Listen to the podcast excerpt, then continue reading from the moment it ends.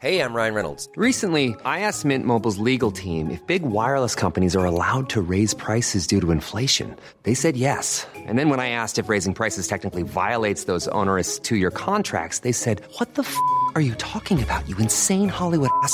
F- So to recap, we're cutting the price of Mint Unlimited from $30 a month to just $15 a month. Give it a try at mintmobile.com slash switch. $45 upfront for three months plus taxes and fees. Promo rate for new customers for limited time. Unlimited more than 40 gigabytes per month. Slows. Full terms at mintmobile.com. Many of us have those stubborn pounds that seem impossible to lose, no matter how good we eat or how hard we work out. My solution is PlushCare.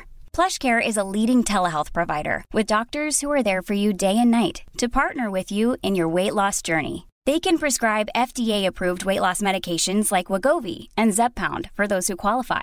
Plus, they accept most insurance plans. To get started, visit plushcare.com slash weight loss. That's plushcare.com slash weight loss.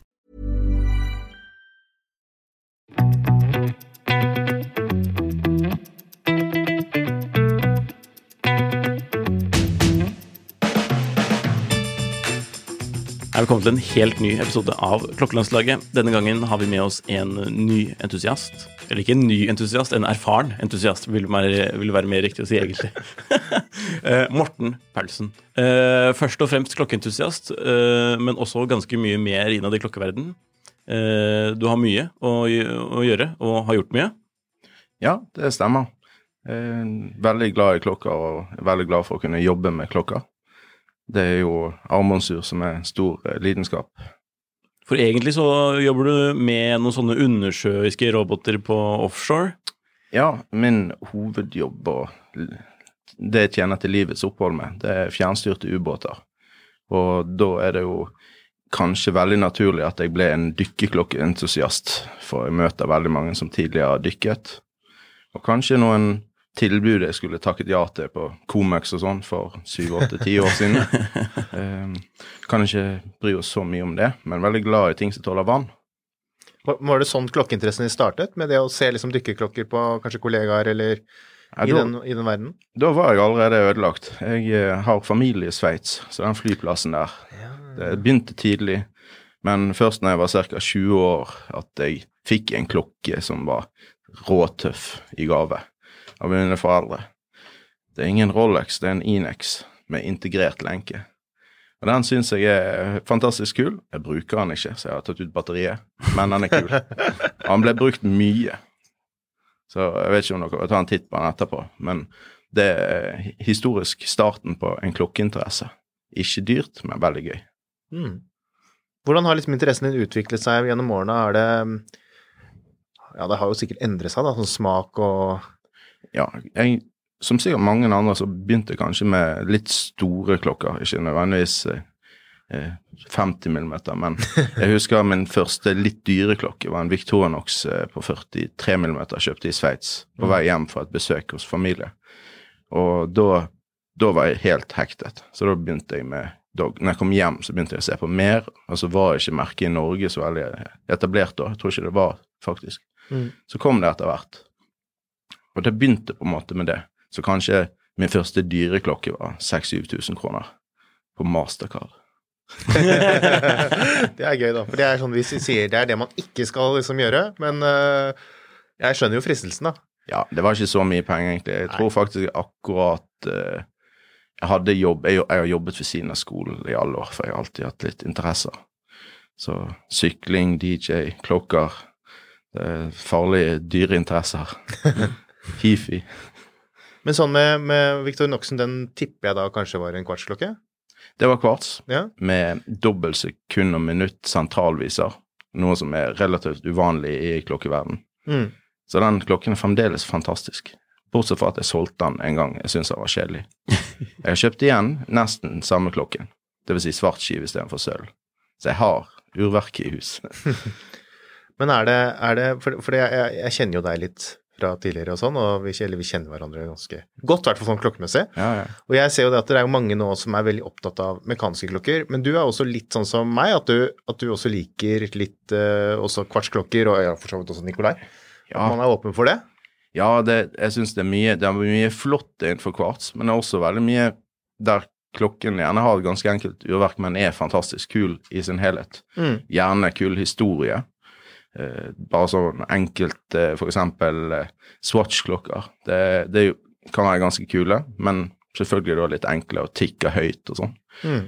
Eller så har jeg alltid hatt en god del kvarts, til og med når Pulsar og Seiko har disse gamle dykkerne. Jeg syns de er kule. Ja. Selv om de gjerne stopper hvis de Ja, de, de er gamle, sant. Mm. Men eh, hver gang min venn Jarl lufter en sånn, så pleier jeg å hogge på de. Hvordan er det liksom å, å reparere de, eller sånn Er det vanskelig å få tak i deler? Ja, det er vanskelig. Mm. Og jeg sitter med en flott eh, JLC masterkvarts der jeg ikke får tak i deler. Mm. Den eh, sluttet å gå. Han gikk litt for fort, og en flink eh, urmaker som kan elektronikk og kvartsklokker, han eh, satt med det verket som er fra Gerard Perregaux. Så det er jo flotte greier for å være kvarts. Mm. Det var den beste for sin tid, kanskje. Eh, den klokken er sinnssykt kul, men han står. Og den ene delen som jeg fant på eBay en gang, den var solgt før jeg klarte å trykke kjøp. Så den står ennå. Men den er fin. Altså, Nei, jeg skulle bare si apropos det der å lete etter deler til klokker som er eh, altfor obskure. I, i, I går hadde jo, jeg kjøpt, hadde jo kjøpt meg en sånn Ikepod, ikke sant? Eh, En sånn tidlig Sea-slug. Sånn, og sånn, den heter Pod, da, for det var før Ikepod het Ikepod til og med. Den heter bare Pod Sea-slug. Og det er sånn klokke designet av Mark Newson, som angivelig skal ha designet Apple Watch. Og du ser på flere av klokkene til Ikepod at de liksom har samme rem som Apple Watch har i dag. Det er veldig kult. Eh, og så fant jeg en sånn da, i Norge. Heldig. Hatt sånne eh, annonser ute i flere år hvor jeg satt at jeg er på utkikk etter en sånn. Så endelig fikk jeg en, kjøpte den. Så viser det seg da at lenken, for den kom bare på lenke, og det er litt sjeldent i seg selv, men eh, lenken var da satt på, Uh, og den er satt med, på, med en sånn litt spesiell skrue inn i uh, kassen. Som liksom, Du har én del skrue, og så har du en annen del som fanger skruen på andre siden, og som du skrur inn i. Ja. Eh, men den hadde bare én av disse. For på den andre løggen så var det noen som hadde bare laget en sånn hjemmelaget pinn og banket den inn i kassen.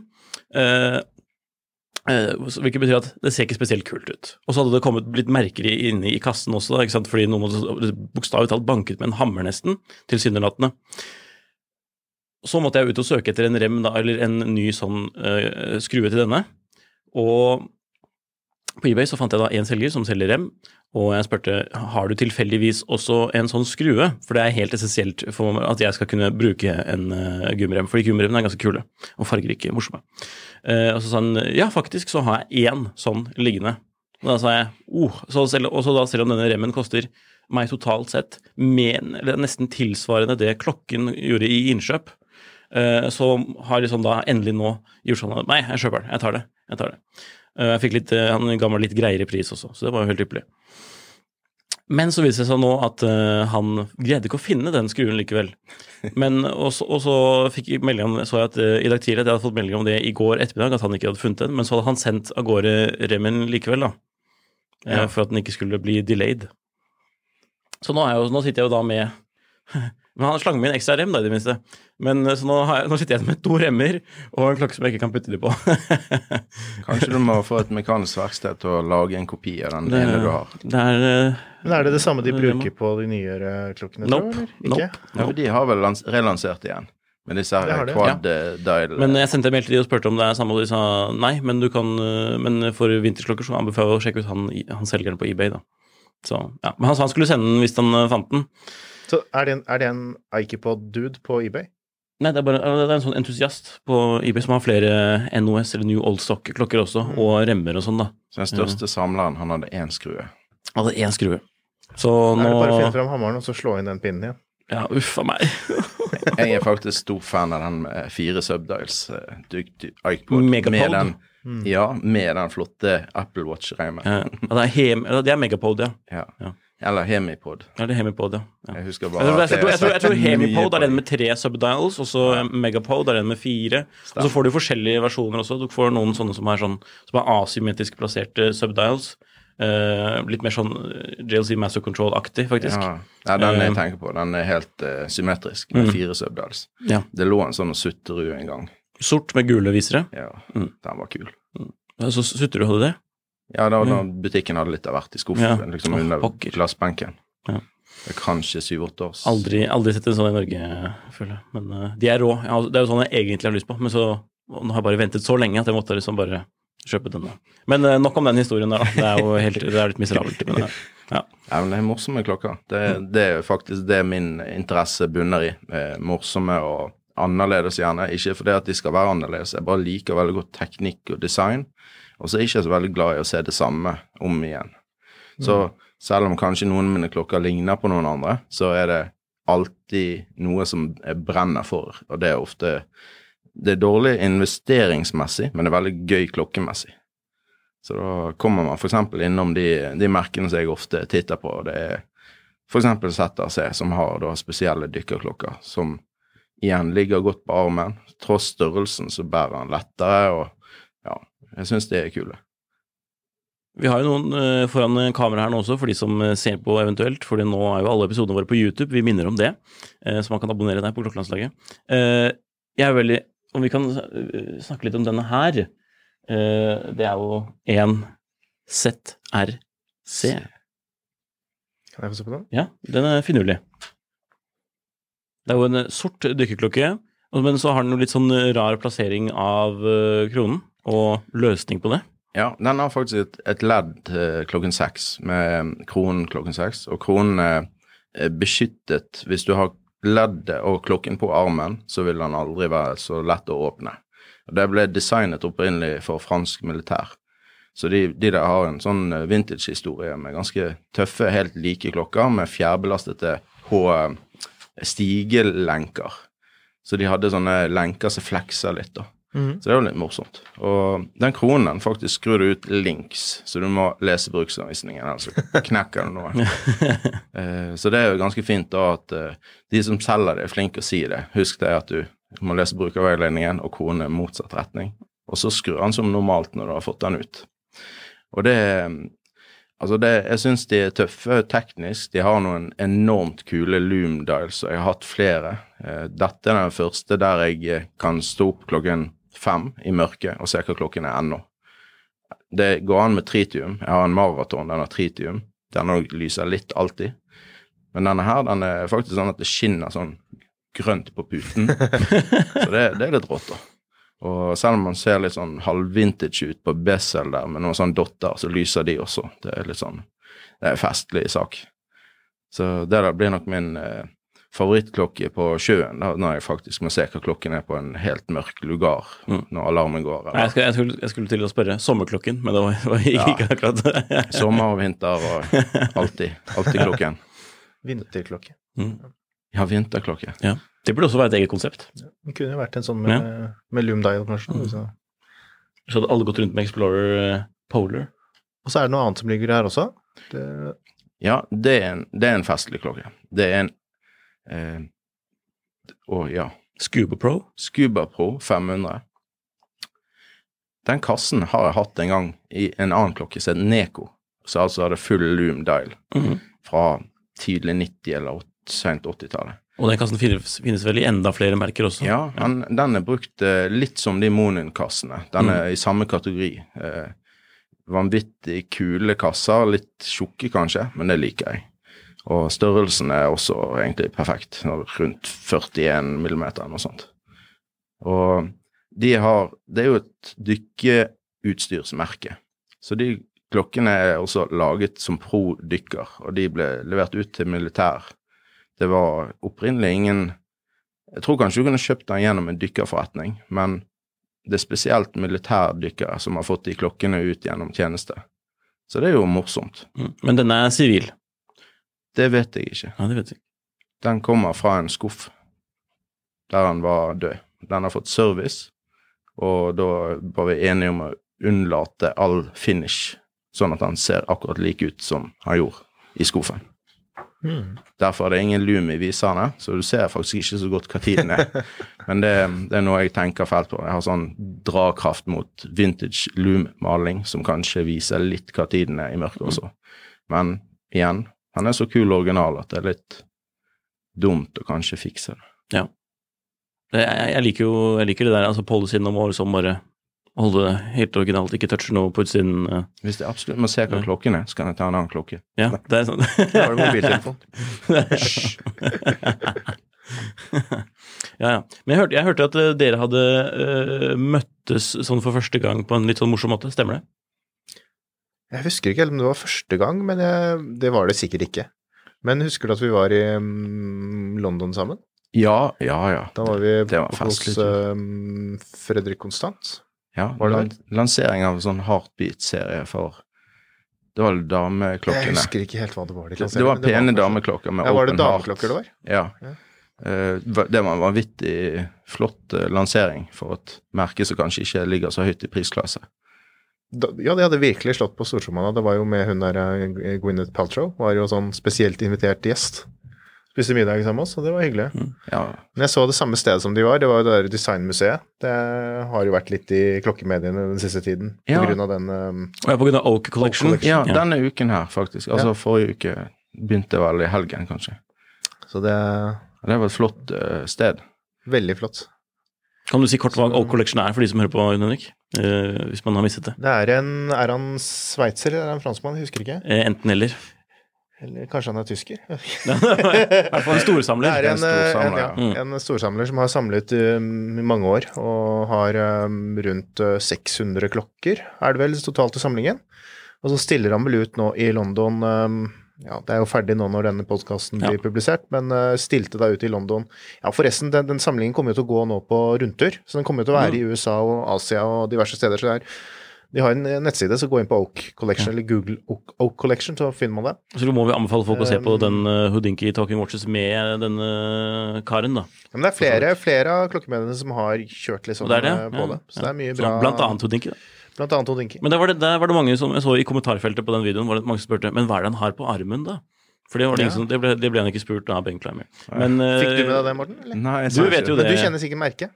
Det er jeg nesten helt sikker på. For det er veldig overraskende. Så dette er en fyr da som har en av de mest imponerende samlingene av vintage og moderne Patek Philippe, eh, Rolex, AP. Altså ja. mye forskjellig, og en del unike ting. Sånn fått laget spesialutgaver hos Patek Philippe i en, eh, i en, en unik utgave, liksom. Og eh, det han går med på armen, det er en um, Briston Clubmaster. Det er vel sannsynligvis en kvarts, da. En sånn fransk uh, ja. Det er et merke som selges i kanskje dag, det- sant? Hmm? Det er et merke du kan finne på blant Ja, ja, annet det er jo, flyplasser. det er, eh, ja, det er ikke sant. Det er jo sånn der, litt sånn i det sjiktet mellom hva skal jeg si, nesten moteklokke og, ja. og skikkelig klokke. Men som har, de har litt sånn puteformede, Ja, klokker. Koster rundt et eh, noen klokker er laget i sånn brillemateriale. Sånn litt halvgjennomsiktig transparent. Sånn Ray-Ban. Og sånn acetat Det kan hende at de har noe sånn, ja. ja. De har laget noen sånne, i hvert fall. ja. Så det er liksom litt morsomt. Altså, det er den han, for han er jo redd for å bli ranet, selvfølgelig, da. Som Ja, var- mange nedover i Europa her om dagen. Som, så, men, men det er litt morsomt, da. Og så var det det han valgte. Ikke liksom en, eh, en hva skal jeg si, en Sertina eller en Psycho eller noe, men liksom en Briston-klokke. Ja. Spennende. Ja, nei, jeg møtte nylig en, eh, en samler og entusiast i bransjen som Han heter Alberto og driver dette loop-system. Det er sånne looper som er superbra kvalitet. Ja, ikke sant? Eh, han hadde en fantastisk kul klokke bare menn. Mm. Tross en enorm samling og mye kule ting, eh, så hadde han en Mad One rød. Ja. Og det er jo en sånn klokke som ble solgt med raffle, på Mm. av at den blå, som kun ble solgt til venner av merket, eh, MBNF, Oi. eh, det, den ble jo selvfølgelig solgt kun til venner av merket, og dermed eh, umulig å få tak i for mange andre. Mm. Så det var så stor interesse at de lagde en rød, og den ble solgt med en raffle, og han fikk en. Jeg vet også at en kjenner har eh, vunnet den raffle og skal kjøpe en sånn. ja. Jeg har ikke, men jeg har veldig lyst på. Eh, den klokken, tenk på Jeg tror faktisk det er rundt 30 000 kroner, Mm. pluss mm. moms. Så det er ikke veldig dyrt for en klokkemerke som gjerne kun selger ting fra 500 000 til 1,5 million. Mm. Eh, superspesielle kreasjoner. Så det, det er litt morsomt, da.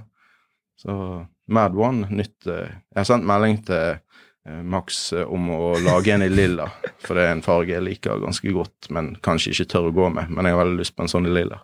Jeg tipper det kommer flere. Ja, det Sånn, tror jeg og i flere farger. Fordi når de litt først har laga den klokka, liksom. Ja. Men det var en kompis av meg som også kjøpte en sånn klokke. Jeg tror det var litt sånn Det var noe som ble loddtrekning, og så tror jeg det var noe som Ja, det var vel, jeg tror også tidligere kunder, eller eksisterende kunder av MBNF muligens fikk mulighet til å kjøpe litt på forhånd, og så tror jeg også at det har vært litt sånn venner og bekjente, for jeg ser det er flere etterpå, jeg har sett flere som jeg kjenner som har fått den, som ikke nødvendigvis har noe MBNF fra før, da, eller som kanskje ikke sannsynligvis har vunnet i lotteregningen. Så den har liksom blitt en litt sånn derre um, um, trendy klokke i klokkemiljøet internasjonalt. Han, han er jo litt småsprø, da, for det at eh, når du vrir på han sånn, så kan du ikke se hva klokken er. Nei, man ser jo Eh, men- ingenting på, på fronten, for der er det vel Men bare det er lun, da, så er det litt stilig. Men når du vrir han, så ser du hva klokken er, hvis du kan digitale klokker.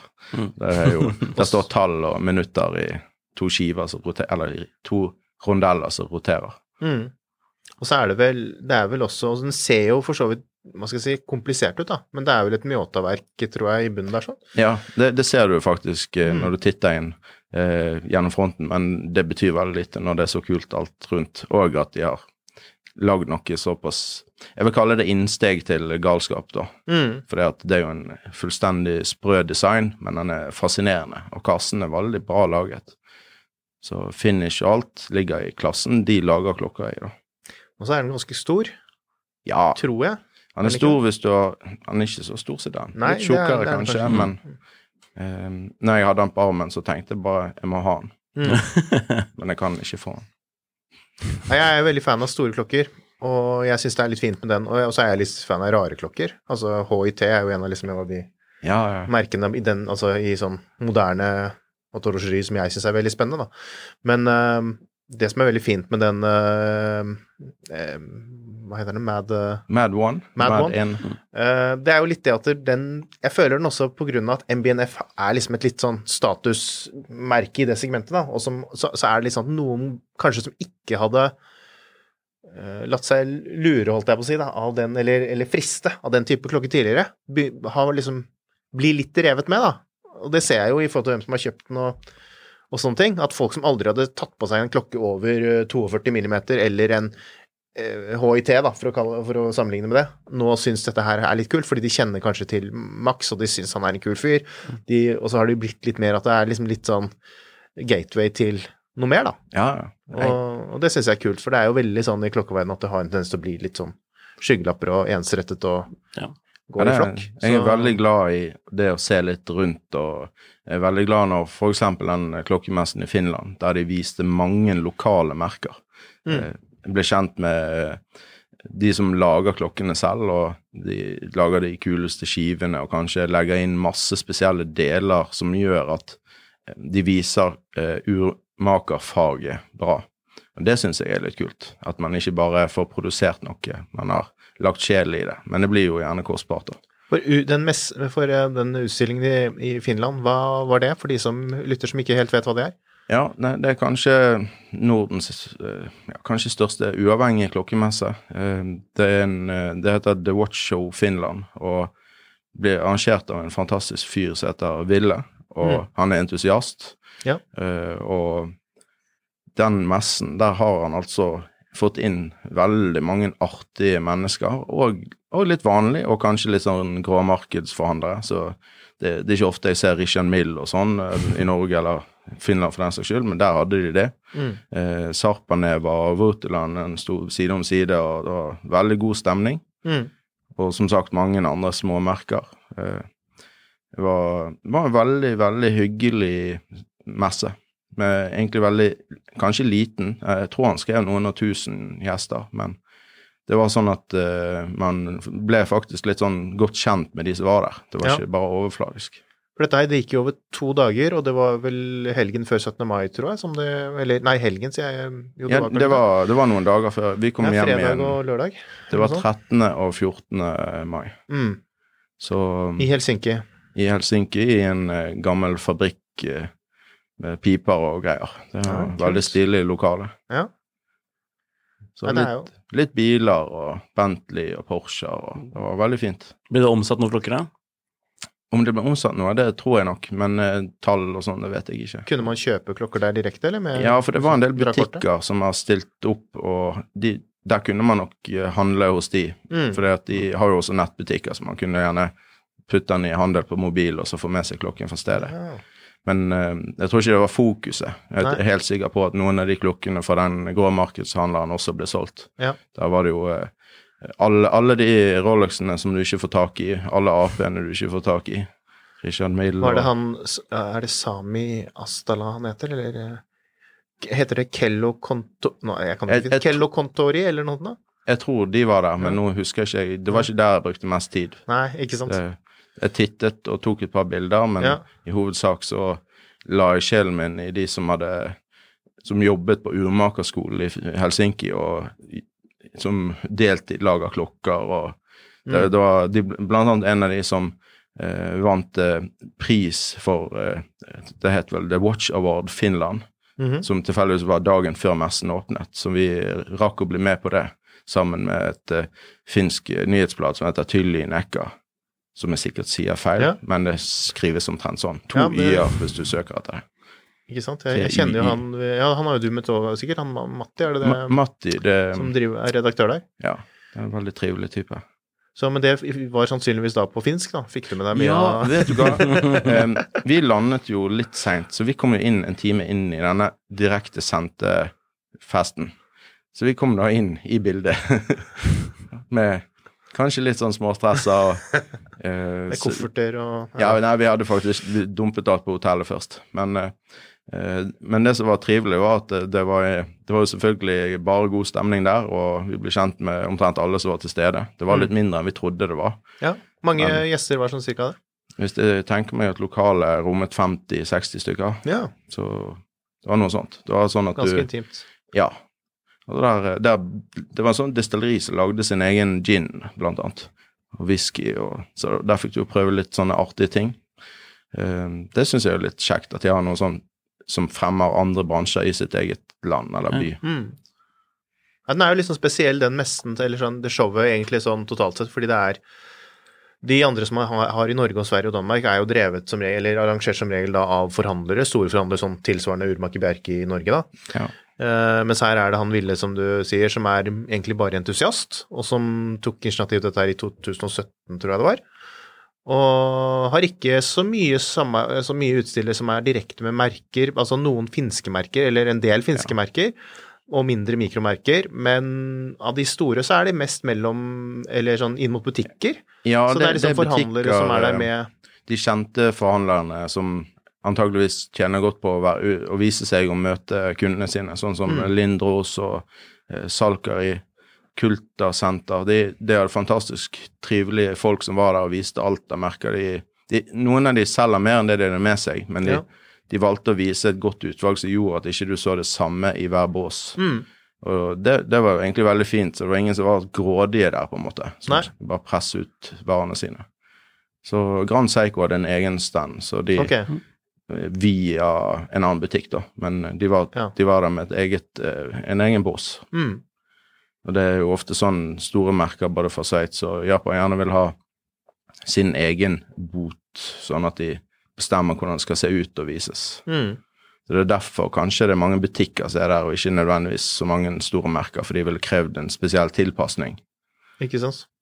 Så det er i hvert fall det jeg hørte direkte fra et merke som jeg kjenner godt til. Ja, men det stemmer nok veldig godt, det tror jeg, altså. Så, kan vi er se kult. bilder fra dette her og høre på, så kan man jo bare gå og se på tidssonen.no, for da er det jo en fotorapport. Ja, jeg reiste jo sammen med Espen, eh, som også kalles for Orus fanboy. Ja. Han er jo glad i mer enn Orus, selv om han har mye ja, Orus. skjønt. Eh, både, både meg og han er jo store fans av uh, Suf Helsinki og det han uh, Vi kaller han for en gal eh, urmaker. Han er fantastisk. Eh, han Sarpaneva, han eh, inviterte oss til sitt verksted på en sånn eh, etterfest etter messen på lørdag, der Mm. vi satte oss ned på urmakerbenken han og rota litt med noen fine skiver og viste oss litt hemmeligheter. Ja. Det var utrolig fint. Mm. Eh, Der var det en eh, samlet gjeng som var ganske interessert i merket, men også veldig lik som både meg og Espen. Entusiaster som Det var også flere norske der. Vi var kanskje fem, tror jeg. Ja. Så vi var, vi var godt representert i Finland. Vi kan vel si at eh, både meg og Espen er veldig store fan av eh, disse her eh, Sarpaneva-klokkene. De er veldig kule. Månefase med et bilde av et ansikt Mm. på månefasen. Ja, bilder. Der var mye fint Espen har eh, fått ut via tidssonen. Det var veldig bra. Ja, det er jo et merke som jeg føler har begynt å bli mer inn, eh, altså fått mye mer um, oppmerksomhet nå de, bare de siste Ja, mye mer. tre, tre årene. I hvert fall i Norge også. I Norge? Vi ser jo flere som har eh, og, sånne prosjekter og prøver å få bestilt seg klokke og Det er ett og et halvt år til han Altså, han, han sa det at det er ca. ett og et halvt års ventetid, og du Oi. kan ikke bestille.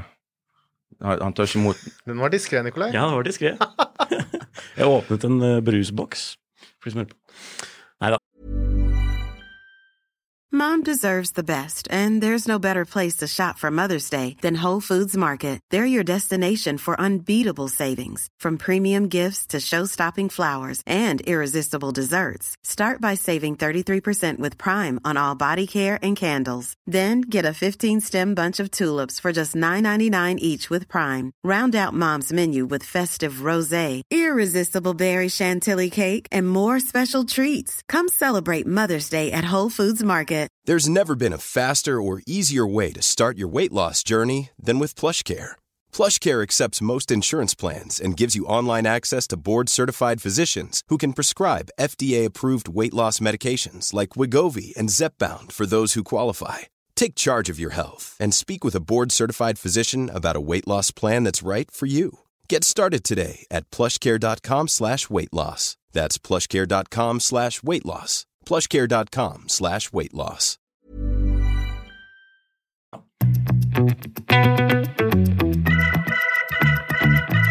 Men eh, er det, da, er det da, du sa det er ventetid, er det da de helt eh, Det må da være de helt unike klokkene, eller de Ja, som er sånn Han har jo noen sånne ferdiglagde, eller skal vi kalle det en fabrikk? Det sitter noen urmakere der og bygger klokker. Mm.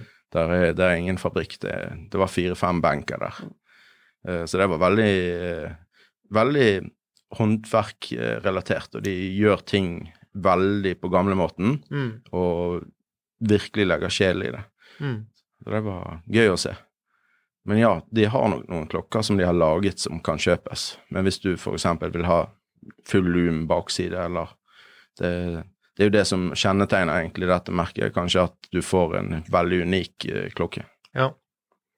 Nei, det var jo et sånt merke som egentlig lenge fløy litt sånn under radaren, som var veldig sånn for veldig, veldig spesielt interesserte. Jeg husker første gang jeg leste om Sarpaneva, det er sikkert 15 år siden nå, eller og sånn, og da husker jeg det at jeg, for det gjorde så inntrykk, og det var på den der Purist Pro, det der nett, Ja, det der veldig elendige, altså sånn fun funksjonalitetsmessige nettboardet med masse entusiaster, mange fra Asia, og mange som har litt uh, tykke lommebøker.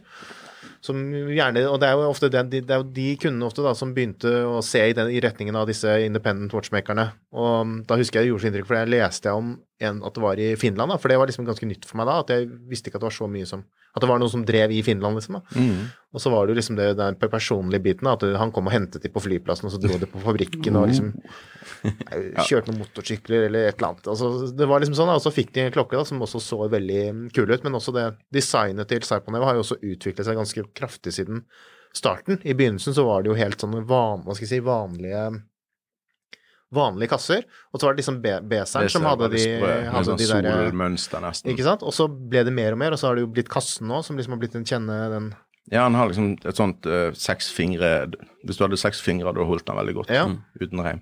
Ikke sant? Og så mer med dette måne... Men det måneansiktet kom jo inn ganske tidlig, da, også, men det har liksom blitt mye mer dominerende nå. Så det er Man har virkelig da liksom utviklet en, en, En- en- egen stil. Ja, en egen stil, det er riktig. Og det var det samme jeg tenkte Det var faktisk eh, Jeg tror kanskje det var en eh, dykkerklokken som de lagde, som du hadde. Det var liksom Mm. første uh, som jeg har sett som var uten f- eh, Kanskje ikke Det var Sufel Sinki det het, Ja. Mm. som var den liksom billige veien inn i merket. Mm. De uh, Jeg tenkte det var de første, men nå har jeg vært på den lille utstillingen. De har en sånn utstilling i et kunstmuseum for Sufel Sinki. Ja. Så du kunne gå gjennom hele historien deres. -hmm. Og da plutselig så jeg at de gikk jo tilbake i tid til en Var det 94? ja. Det var i hvert fall eh, startet mye kult han har gjort før og underveis, som vi ikke visste om fra før. Og det er jo riktig, og det kan kanskje så ikke det blir liksom forvirrende for de som hører på, men det er jo liksom to merker da fra samme person. Det er Sarpaneva, hvor han lager sine egne Eller Stepan Sarpaneva er jo mannen, og så lager han Sarpaneva, som er liksom de veldig high end-klokkene. Og så er det Suffel Sinki, som på en måte er den innstegsmerket, som egentlig kanskje der hvor jeg, vet ikke, kanskje veksten har vært sterkest sånn de seneste årene. At, men de begynte jo litt som Jeg snakket jo med ham for noen år siden, og sa han vel det at liksom det er det det er det vi gjør for å kunne gjøre det vi gjør der. Det, var liksom det den finansierer på en måte galskapen i toppen. Så, men, men også Suffel Sinki har jo utviklet seg veldig, som du sier. Sånn fra starten av så var det ganske sånn enkle enkle design, og mer, litt mer sånn tradisjonelt, da. Men nå, der også har det jo blitt mye sånn Bare den diveren er jo litt mer eh, spesiell i forhold til det som har vært Mm. tidligere, og, og også um, Mummitroll eh, Ja, de her mummiklokkene ting som er er jo superkule. vi, vi møtte han som lager lumen til de. mm. Det er en egen mann som spesialiserer seg på det. For det er jo Var det en finne, eller? Var det, Ja, jeg mener han var finsk. Ja. Eh, for det er han ikke han svenske, han uh, Black Badger, eller hva? Nei, det er ikke han. Eh, James Thompson, han er canadier som bor i Sverige. Ja. Han er jo kjent for å lage mye lum. Mm. Eh, fantastisk kule ringer og klokker han involverer seg i. Men her var det en, eh, en som eh, antageligvis er en god venn og kollega da med Sarpanev sjøl, som eh, var med å lage dette. Og det, det var ganske komplisert arbeid, for det ligger litt sånn i lag. Mm. Hvis, du, hvis du har en sånn klokke Det, det er en, en tidssonebruker eh, som heter Dødtid. Han har en sånn. og Når du titter på den klokken, så der dybde Ja, unikt arbeid. Helt rå. Mm. Jeg Jeg angrer på at jeg ikke kjøpte. Angrer på at jeg ikke kjøpte Jeg satt og så på bestillingssiden ja, litt Og Mummi spesifikt. mumie. Jeg, bare, jeg har bare alltid hatt lyst på Sarpane. Jeg husker bare så lenge jeg, jeg har visst om det. Mm. Obskurt, men er så sinnssykt kult. Ja, sånn Litt utenfor det så var det en som hadde en sånn klokke i Finland nå, Mm. som der eh, eh, Kari Voutilainen spurte om de kunne bytte. Han hadde da en sånn Voutilainen på seg, så han laget selv, sant. Mm. Nei, jeg kan ikke bytte. Momuen er for spesiell. det var jo tull, da, men de, de kjente hverandre, så det var litt morsomt. Men det var liksom Hva koster en sånn, da? sant? Det er jo det er et lite hus, og så For det er også en finne som eh, Nå ble det mye sånn finske Ja, men vi, Ja, finsk sånn, internt. eh, Men uh, Kari det må vi kanskje bra. opplyse kort hvem er. Altså, ja, det er jo liksom ansett som en av de største uavhengige urmakerne, men så har han egentlig på en måte Han har gjort ting litt annerledes enn en del andre, fordi han har bygget mye hva skal jeg si, infrastruktur da, på produksjonssiden. I Han Sveits. eh, har kjøpt eh, fabrikker. Så han er jo ikke lenger en sånn én fyr som sitter inne på et uh, urmakerverksted og lager alle klokkene selv for hånd, liksom. Men han har jo mange ansatte og ja, ja. har fabrikker som lager skiver, har fabrikker som lager kasser, har, og, og produserer også for en del andre store Ja, og- merker. Og så involverer han seg i mindre merker også. Mm. Eh, Legiona, et lite finsk merke som er gjenopplivet Ja. takket være han. Det, der kan man Jeg tipper det var en 13 000-14 000 han kostet den dykkeren, som er basert på en kasse som På 70-tallet så var det Monin-kassen. Samme Hauer eh, eh, 1000-kassen, da. Så den kassen kan minne litt om det, men den er laget etter Voteland sine spesifikasjoner, og jeg tror de var involvert i finishen. Der eh, må nesten lese mer om det selv òg. Vi har skrevet om det i premium. Jips. Ligger den ute på nett, okay. eller? Jepp. Den gjør det. Mm. Da kan lytterne Og vi har ut, omtalt den eh, i poden nå, faktisk. Ja, det har vi, Ja. har vi kanskje. Ja, vi har den. Så, Ja. For den, den var jo faktisk ganske kul. Ja, mye klokke for pengene i den kategorien. Mm. Og spesielt da med Botiland-linken. da. Det er jo litt spesielt for en sånn, for en sånn klokke. For var ikke sånn at han drev liksom hadde den første klokken han hadde når han var ung, eller et Jo, jeg sånt, tror det var et eller med det annet merket. Det var eller- emosjonelt ja. knyttet, ja. Mm. Det var akkurat det han sa, at det, det her merket var enten det første, eller det var en klokke han hadde som liten fra det merket. Så det vil han hjelpe å få frem igjen. Mm. Så det er gøy. Ja, det var litt om Finland. Jeg, jeg syns jo det er kjempebra at vi snakker om det, for den messen var mye bedre enn forventet. Selv om vi visste at det er en liten messe, og liksom, men det er faktisk en messe åpen der du kan kjøpe billett og reise og være med. Eh, så syns jeg det var så kjekt at eh, Det er rart ikke flere nordmenn var der, for det skjer jo ikke så mye her. Selv om vi har en stor, flott eh, messe laget av Bjerke, så er det der en helt annen type For dette her er mer sånn entusiast Jeg vil si en entusiastmesse. Ja, helt riktig. Og, um, nei, var- Så vi hadde jo egentlig tenkt å gå dit, men så var det en av oss som måtte løpe maraton, eller hva det var, eller? Nei, Eh, Stafett. stafett. Holmenkollen Ok, det er litt sånn, ok, det var det kanskje. måtte løpe. Ytterst, eh, ytterst viktig. Ja. Men apropos sånne samleentusiaster, da. Du har jo, og er vel fortsatt med i Red Bar. Ja, eh, Det burde vi jo snakket om å forklare hva er. ja, det er jo en festlig liten klubb eh, med entusiaster. Eh, Red Bar er jo et internasjonalt konsept der eh, kan være jeg sier navnet feil, men Adam Kraniotis og en liten gjeng der borte har eh, laget et flott tema. Det er rett og slett eh, vi møtes for å snakke om klokker. Med På en bar. Gjerne på en bar. Jeg, vet, jeg tror Red Bar var den baren de brukte, derfor så Mm. heter det Red Bar. Men det er blitt et kjempestort konsept, og det driver jeg da i Norge sammen med noen som hjelper meg i Bergen og Stavanger. Mm. Og det er supertrivelige gjenger som møtes, der alle er invitert på en måte på, De som er invitert, er invitert av noen som kjenner Så det er aldri noen ukjente som eh, dukker opp der som kanskje har lyst til å ta med seg klokken din, eller noe sånt. Det er alltid ganske sikkert. Mm. Så sikkert som det kan bli når du møter på en bar med klokkene dine. Så noen ganger har vi private rom, chambre separé, og noen ganger så har vi en litt eh, avlukket avdeling. Det varierer litt. Men det er trivelig. Hva er det man må gjøre for å bli med på noe sånt, da? I utgangspunktet så lønner det seg å bli invitert av en som kjenner deg som er med fra før. Mhm. Eller så går det an å sende melding på ja, Bruk Instagram-kontoen Redbar Oslo. Da kan man jo se litt hva som har skjedd før på de bildene, og så kan man Ja. sende en melding, og så tar vi det derfra. Mm. Noen, det er alltid plass, men vi må være forsiktige, selvfølgelig. Ikke sant? Det er ikke sånn at du legger, man legger ut offentlig møte opp klokken der og der på det og det stedet. Nei, det, det medlemmene får beskjed dagen før eh, på en uh, egen Altså, det er, det er ingen som på en måte skal finne ut hvor dette er før jeg har ordna. Mm. Og det er ofte sånn at vi vet jo ikke om vi skal være 15 eller 50, så jeg har som regel to-tre arenaer klare, som jeg har snakket med de og gjort helt klart at vi må avbestille hvis det ikke vi er mange nok. Og, så vi vet ikke alltid hvor det skal være. Vi har gjerne tre lokaler, og på fredag før vi møtes, så vet vi gjerne at nå er vi 45, og da kan vi ikke være et sted det er plass til 20. Mm. Så det er sånn det foregår. Jeg syns det skal være koselig og riktig mengde mennesker for lokalet. Ja. Så 15 stykker i lokalet til 50, det blir også feil. det skal være koselig og litt sånn Det, det er blitt en vennegjeng, rett og slett, men det er alltid åpent for uh, nye så lenge det er trygt og godkjent, på en måte. Mm. Nei, det har jo liksom vært en, blitt en veldig vekst i klokkeinteressen i Norge, og ja, vi vet jo det at du er ikke en del, eller lenger noen, noen formell rolle i klokkeriet, men du har jo vært med der Ja. veldig lenge. Kan du si litt om liksom, ja, ikke da som en representant for klokkeriet nå, men, Neida, men, men, eh, liksom, hvordan har reisen vært med, det? Jeg vil jo si at klokkeriet som et uh, litt åpent uh, sted for klokkeinteresse har vært med å øke interessen i Norge. Mm. Eh, det har vært litt enklere å bli klokkeinteressert. Kanskje for enkelt, for mange gjerne var, er gjerne ikke så klokkeinteressert, men de ble kanskje litt kjøpe- og selgeinteressert. Men inne på klokkeriet så er det jo en eh, lav terskel for å kommunisere med andre interesserte.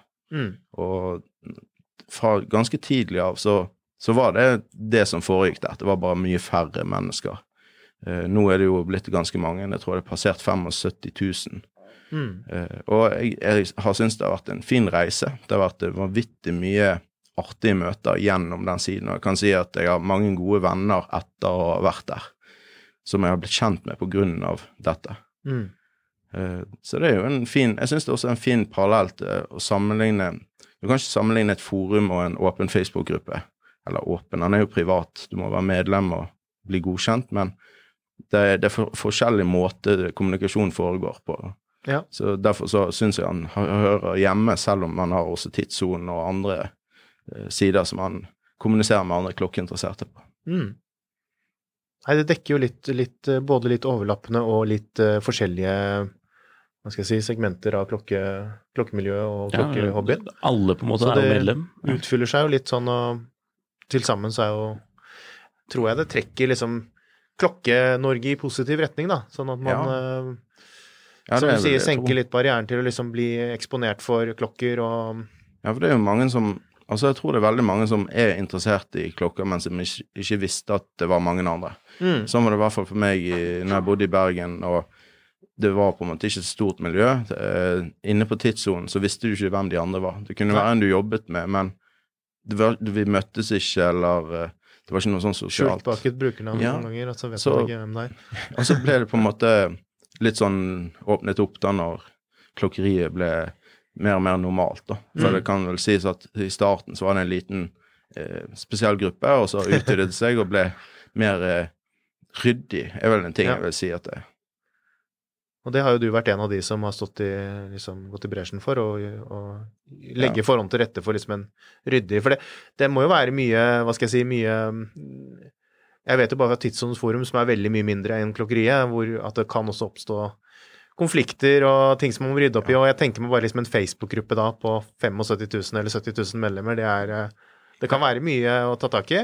Sånn, Ja, det, det, var, det har jo vært et par litt spesielle saker som kommer ut av at det rett og slett er langt mellom menneskene, og kanskje til og med ja, Altså, jeg solgte jo noen klokker til en som døde, da. Altså, han ja. hentet klokkene og pakket det opp på benken sin, sendte meg et bilde, og så ble det stille. Og da, av alle ting, så hadde jeg bare tatt halvparten før og halvparten etter betalt. Mm. Fire klokker. Oi. Så etter tre dager fant jeg ut at han, han døde i garasjen, og eh, antageligvis naturlige årsaker. Politiet ville ikke si så mye mer, men jeg, jeg fikk igjen klokkene og betalte eh, tilbake til familien det som manglet. Mm. Men det var litt sånn spesielt. Det er jo ting du aldri hadde opplevd i Jeg trodde jeg var blitt svindlet, og jeg fikk litt dårlig samvittighet, for jeg trodde jo at han hadde, du hadde lurt meg. Men hva, hva, hva- når du er inne på liksom svindel og sånn, er det Hva er ditt inntrykk av det? Sånn i Norge nå, er det mye svindel eller mye forsøk på det sånn i Jeg tror det er blitt eh, På grunn av at klokkeinteressen er blitt lettere å være med i, så er det mm. også blitt eh, flere som bruker det som en måte å Altså både svindel, men også at det er lettere å omsette for eh, store summer. Kanskje til og med litt dumt å si, men altså, jeg tipper svarthandel er et stort problem i den verden, da. mm. Men eh, hvor mye mer svindel det er enn før, det, det er nok mer fordi at det er så lett å si at du har en sånn Rolex som noen har lyst på, og så overfører de penger til deg for å få sikret kjøpet. Mm. Men så var det seks stykker som gjorde det samme. Ja. Sant? Det finnes eksempler. Mhm. Og de, de finnes jo på alle typer av forum, og de blir fort fjernet hvis de finner ut av det. Ja.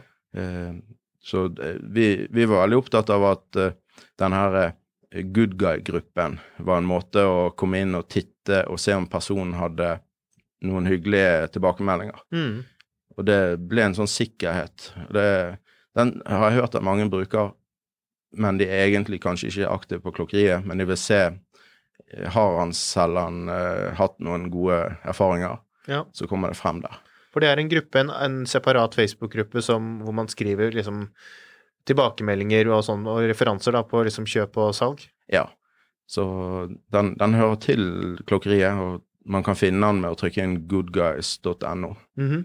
Og da Den kan man jo Man blir vel automatisk medlem hvis man er eh, medlem av klokkeriet. Ja. Eller i hvert fall da kan du liksom komme inn der. Mm. Men man kan sikkert komme inn der på andre måter også. Men Ja. eh, jeg tror meningen er at man også skal være medlem av klokkeriet. Ja, riktig. Men eh, der er det jo mange færre enn det er medlemmer i klokkeriet. Mm. Så jeg vil jo si at eh, det føles litt trygt hvis man er usikker og ikke kjenner personen. Du har Ja. ingen felles venner med personen, så kan man gå inn der og se at ti eller hundre har en hyggelig handel med denne personen. Mm. Hvis det er ingen handler og har vært medlem i siden 2017, så kan det jo være at det er en grunn til det. Eller så kan sant. det være at han bare ikke selger noen klokker. Eller mm. kjøper. Nei, det er jo veldig smart det, og det har vi sagt i tidligere episoder, og det å sjekke referanser og, og sånn, men samtidig også bare mm, være litt forsiktig med det at man ikke bare fordi man har gode referanser, så kan man ikke Ja. liksom være helt se seg blind på det, men man må se på det som en del av en større helhet, da, og så Det er jo eksempler. biten, og så Eksempler på noen som har gjort, uh, hatt fem hyggelige år og alt er Mm. bra, men som plutselig sitter i en situasjon som ser muligheten, kanskje litt lav moral, og Ja. der, der er eksempler på det. Så man kan ikke Og det er det jeg også har, eh, har liksom opplevd da, sånn gjennom Nå er det ikke så mye sånn Sånne ting på, har vært så mye sånn på tidssonen gjennom årene, da, men, men i de tilfellene hvor det har vært noe forsøk, eller hvor det, noen har blitt svindlet, så har det ofte vært litt sånn som du sier, da, at det er folk som faktisk har gode referanser, og som har vært kanskje medlemmer lenge til og med, og så har de havnet i en situasjon eller, eh, altså, sånn, som har gjort at det, det har bikket over, da, og så Ja, det er mye som kan blitt skje. lurt selv, kanskje. Altså, Det har vi også sett eksempler på. Folk som har blitt solgt en klokke de har funnet ut har vært falsk, og så har det gått gjennom mange ledd, og så vet man ikke helt igjen, så sitter man igjen med svarteper, og så Nei, da får jeg prøve å selge den selv, og så har de altså. Jeg, jeg, jeg husker en episode der det var en som hadde havnet, Han hadde blitt svindlet, um, og så tok han profil til den personen som svindlet han, og lagde en falsk profil. Så han ble plutselig svindleren. men han ble jo fort luket ut. Eh, dette skjedde over mange plattformer. Men Mm.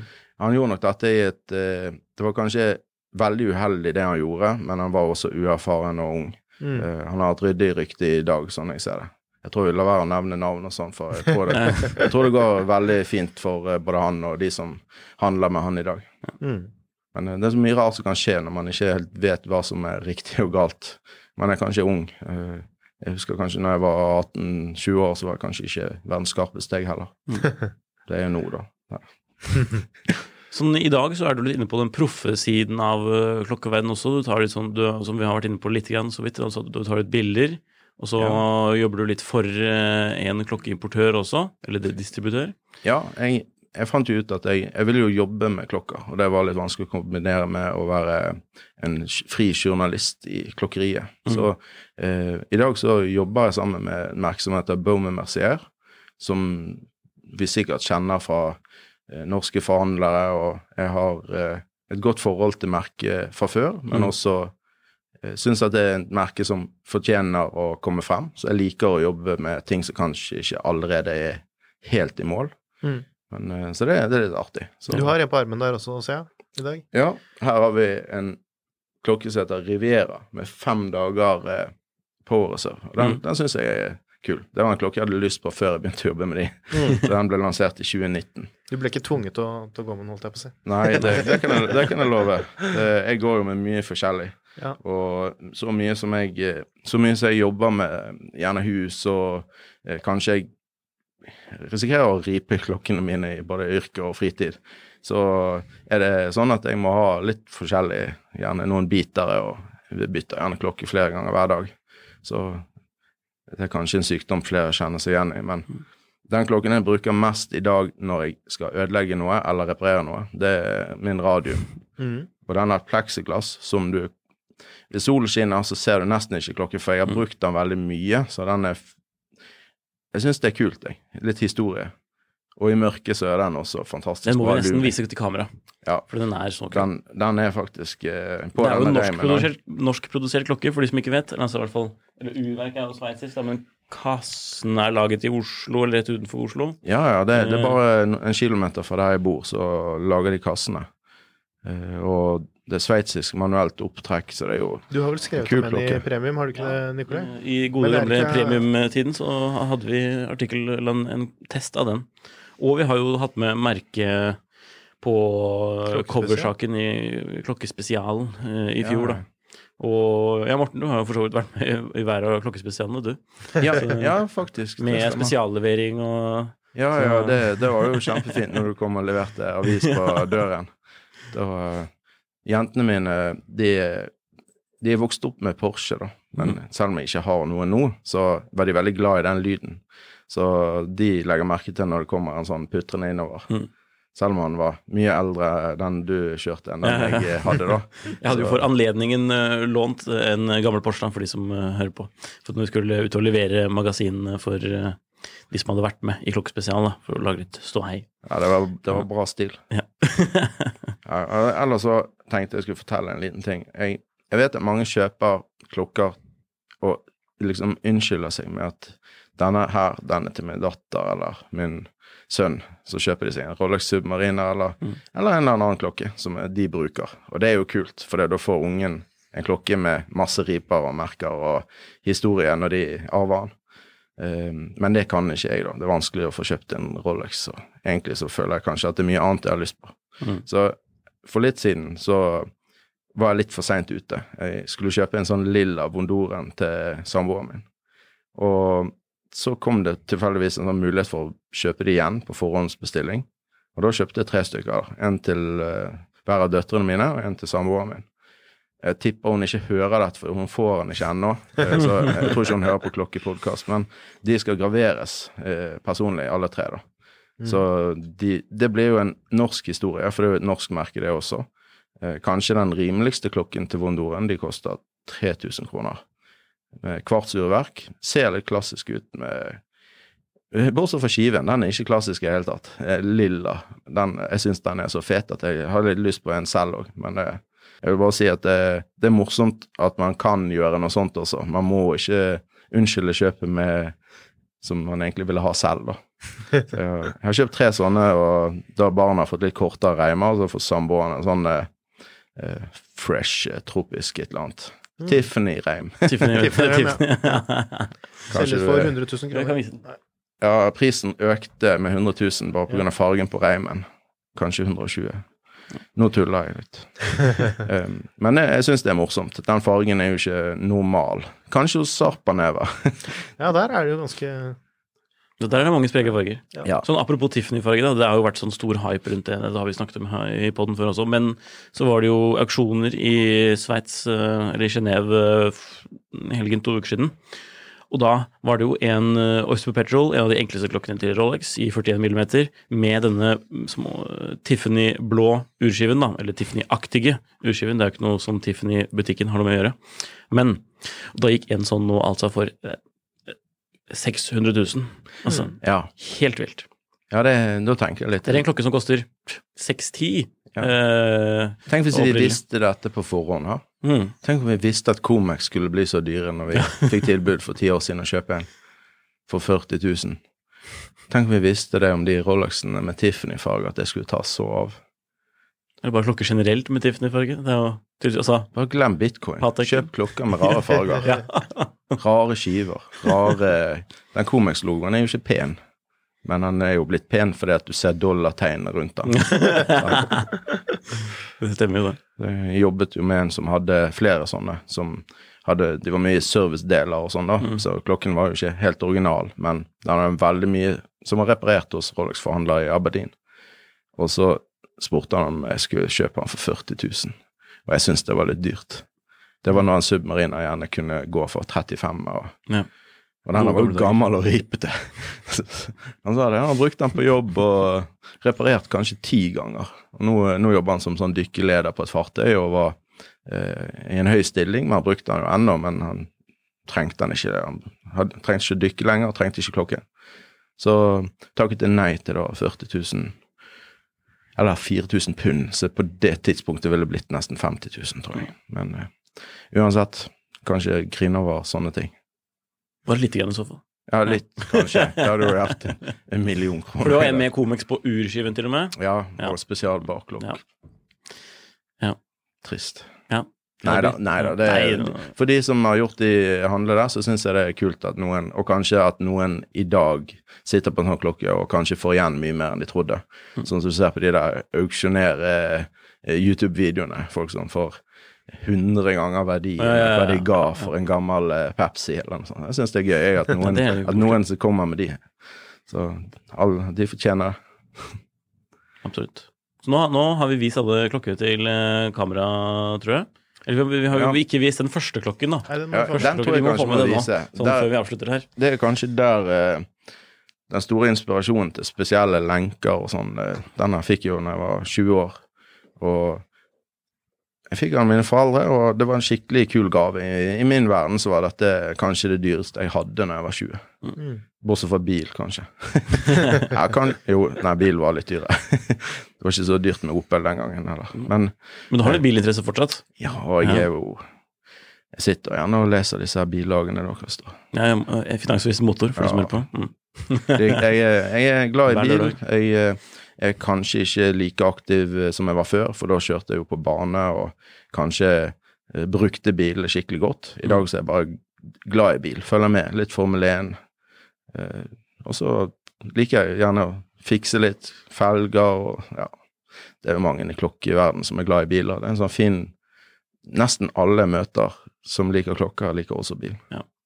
Vi, har hatt sånn, vi hadde nettopp en sånn crossover-episode med liksom Mil etter mil, en podcast om bil. Eh, og det viser jo seg at eh, ja, de fleste liker også bil. ja, Ja, nei da, det, det er helt klart. begge deler er gøy. spesielt kronografer knyttes jo rett til bilverdenen. Hauger, Autavia Det er jo eh, det er fantastisk. Jeg liker det veldig godt. Eh, Morten, jeg tror vi må ha deg med en gang til i poden, ja. Fordi vi går ut av Vi løper vekk Eller tiden løper vekk fra oss, men ikke samtaleemnene, akkurat. Eh, ja. Dere visste jo det når dere inviterte en bergenser til studio.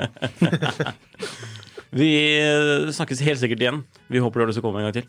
Eh, takk for at du kom nå, i hvert fall. Takk for det. Det var veldig hyggelig. Ja. Vi, har du noe annet å avslutte med, Jon Henrik? Nei, takk for oss. Nei, du Ja. vil kanskje si litt før vi avslutter? Nei, du har bare den vanlige regla med at uh, hør nå på de andre podcastene til Finansavisen, da, eller og sjekk nå ut i tidsrom.no. Les bloggen der, eller registrer deg da om du plutselig skulle finne ut av det. Eller eh, sjekk ut Redbar Redd Bar Oslo. Og Morten kan man følge på Instagram eh, under pylsogram. Ja, riktig. Pulsogram. Det er min klokke. Så det må vi også anbefale. Tipp topp. Takk for at du hørte på. Takk for oss. Takk for oss.